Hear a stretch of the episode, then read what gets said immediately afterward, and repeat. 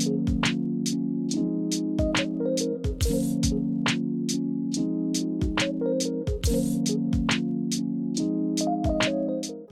Ülke Dinliyoruz podcast programından herkese merhaba sevgili dinleyenler. Ben Ceren Aydın Onat. Yanımda Berkan Beysel ve Baran Bakir Taşkıran var. Hoş geldiniz. Nasılsınız? Hoş bulduk Ceren. Teşekkür ederim. Ben iyiyim. Sen nasılsın? Ben de iyiyim Ceren. Ben de iyiyim. Çok teşekkürler. Ee, ikinci programımızda Asya'ya gidiyoruz ve Singapur diyoruz. Ben 10-12 yaşlarındayken Malezya'da bulunmuştum. Mental aritmetik matematik olimpiyatlarında ülkemizi temsil eden 3 kişiden biriydim. Ve olimpiyatlar bittiğinde yaklaşık bir saatlik bir uçak yolculuğuyla bizi Singapur'a uçurmuşlardı.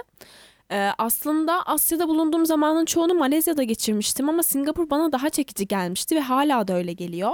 Ancak pek hatırlayamıyorum. Hatırlayabilmem için fotoğraflara bakmam gerekiyor. O yüzden sohbet etmek için de böyle ilginç bir Asya ülkesi seçtim.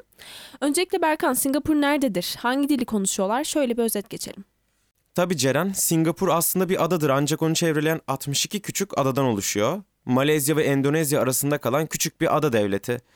Ülke 1965 yılında bağımsızlığını ilan etmiştir ve ülkenin yaklaşık %75'ini Çinliler oluşturur. Daha sonraki insan çoğunluğu ise genelde Malaylar ve Hintlilerdir. Sentosa adası Singapur'un en büyük adasıdır. Singapur'da yerel halk Singlish dilini konuşuyor ancak dört tane resmi dili var. Bunlar Çince, İngilizce, Malayca ve Tamilce. Singapur dünyadaki 3 şehir devletinden biridir. Diğer şehir devletleri ise Monaco ve Vatikan. Çok küçük bir ülkedir Singapur ve Monaco'dan sonra en yoğun nüfuslu ikinci ülke diyebiliriz. Baran eklemek istediklerim var mı? Ee, şunu eklemek istiyorum Ceren. Ee, Singapur'un ekonomisinin ticarete dayalı olduğunu söyleyebilirim. Ee, fazlaca petrol rafinerisi vardır. Ee, Singapur'da ve turizm açısından da oldukça gelişmiştir. Ekonomisinin Asya'da en hızlı büyüyen ekonomi olduğunu söyleyebilirim. Çoğu gelişmiş ülkeye göre daha ucuz bir ülke Singapur. Ee, ulaşım imkanları gayet iyi. Şöyle bir bilgi de vereyim. Singapur aslan şehir olarak adlandırılıyor. Sembol ise aslandır haliyle. Tam aslan demeyelim de e, bu sembol aslında yarı aslan yarı balıktır. Ve bunun efsane bir yaratık olduğuna inanırlar. Her sene bu yaratık adına Eylül ayında festivaller düzenlenir. Ancak sanırım Singapur'a yasaklı ülkesi de diyenler varmış. Evet Ceren, ülkede gerçekten oldukça ilginç yasaklar var. E, bildiklerimden yere çöp atmak, sakız çiğnemek ve yere tükürmeyi sayabilirim. Bunların hepsinin Singapur'un eşsiz doğasının korunması için çıkan yasaklar olduğunu düşünüyorum. Ancak gece yarısından sonra duş almak, sokakta su haricinde bir şey içilmesi, arabaları kirli bırakmak da sayabileceğim ilginç yasaklardan. Gerçekten bu kadar ilginç yasaklar olmasını hiç beklemiyordum. Ancak benim Singapur deyince aklıma aslan ya da yasaklı ülkesi gelmiyor. Singapur hakkında hatırlayabildiğim en belirgin özellik nemli havası ve yemyeşil çevresi. Singapur'da yıl boyunca ılıman iklim hakim. Ülkenin neredeyse yarısı bitki örtüsüyle kaplı. Singapurlular kentsel tasarımlarda ağaç ve bitkilerden yararlanırlar. Çünkü bitkiler ısı yalıtımı sağlıyor. Singapur'a gittiğimde çoğu binanın tepesinin bitkilerle kaplı olduğu dikkatimi çekmişti. Ee, ve bir de orkide bahçesine gitmiştim. Gerçekten inanılmazdı. Ee, bahsettiğim bahçe Singapur'un ulusal orkide bahçesi Ceren. Orkide de aslan sembolü gibi Singapur'un sembollerinden biridir. Binlerce orkide çeşidi var bu bahçede. Ben hiç gitmedim ama büyüleyici olduğuna eminim. Singapur'un botanik bahçeleri UNESCO tarafından 2015 yılında koruma altına alınıyor. Ee, Cloud Forest Singapur'da görülmeye değer başka bir yer. İçerisinde 2015 yılında Guinness Rekorlar kitabına giren devasa sera Flower Dome bulunuyor. Ee, mimari bir şaheseri de eklemek isterim. İsmi Sky Park. Burası gemi şeklinde bir teras. Resimlerde mutlaka görmüşsünüzdür illanki. Singapur için çok önemli bir turizm mekanı bence. Ee, terastaki sonsuzluk havuzu muhteşemdir tek kelimeyle. Unutamadığım yerlerden biri de gece gittiğimiz hayvanat bahçesiydi. Oraya gece gideceğimizi duyunca gerçekten çok şaşırmıştım ve hayvanlar gerçekten kocaman bir alandalardı. Yolun etrafında görünmez bir tel çevriliydi ve ışıklandırılmış bölmeden arabayla geçip hayvanları izliyorduk.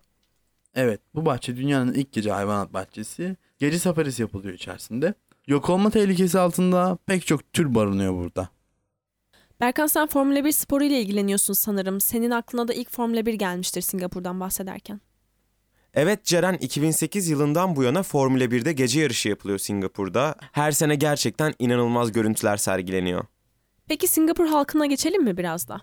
Hadi geçelim Ceren. Singapur halkı gayet kibar ve dost canlısıdır. Oldukça güler yüzlüdür. Çeşit çeşit etnik kökeni bulunan insan bulunur. İnsanlar diğer etnik gruplara karşı saygılıdır. Cami, kilise gibi bir tapınakta ibadet yapılırken halk sessizliğe bürünür. Çoğu Singapurlu farklı kültürleri tanımada oldukça meraklı davranır. Pek gürültülü insanlar değillerdir. Dünya mutfağından birçok lezzeti Singapur'da da bulabilirsiniz. Ulusal bayramlarında her yer rengarenk olur. Çok keyifli kutlamalar yaparlar.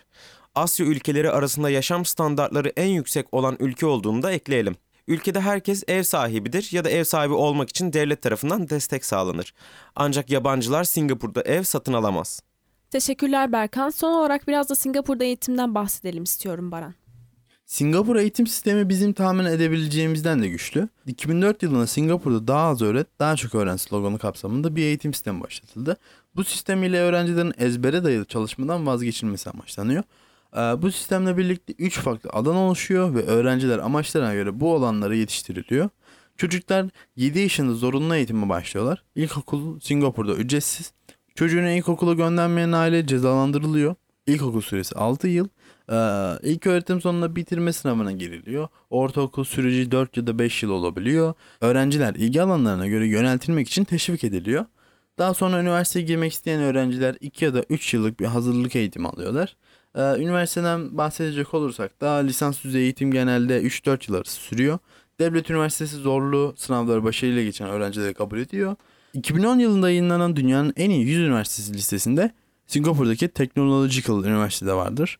Ee, ün- dünyada üniversite öğrencileri arasında Singapur'a gösterilen talep oldukça fazla. Baran sana da çok teşekkür ederim. Ee, bugün Ülke Ülke dinliyoruz da Singapur'dan bahsettik. Programımızın ikinci bölümünü de burada kapatalım. Umarım keyifle dinlemişsinizdir. Dinlediğiniz için hepinize çok teşekkür ederiz. Sağlıcakla kalın.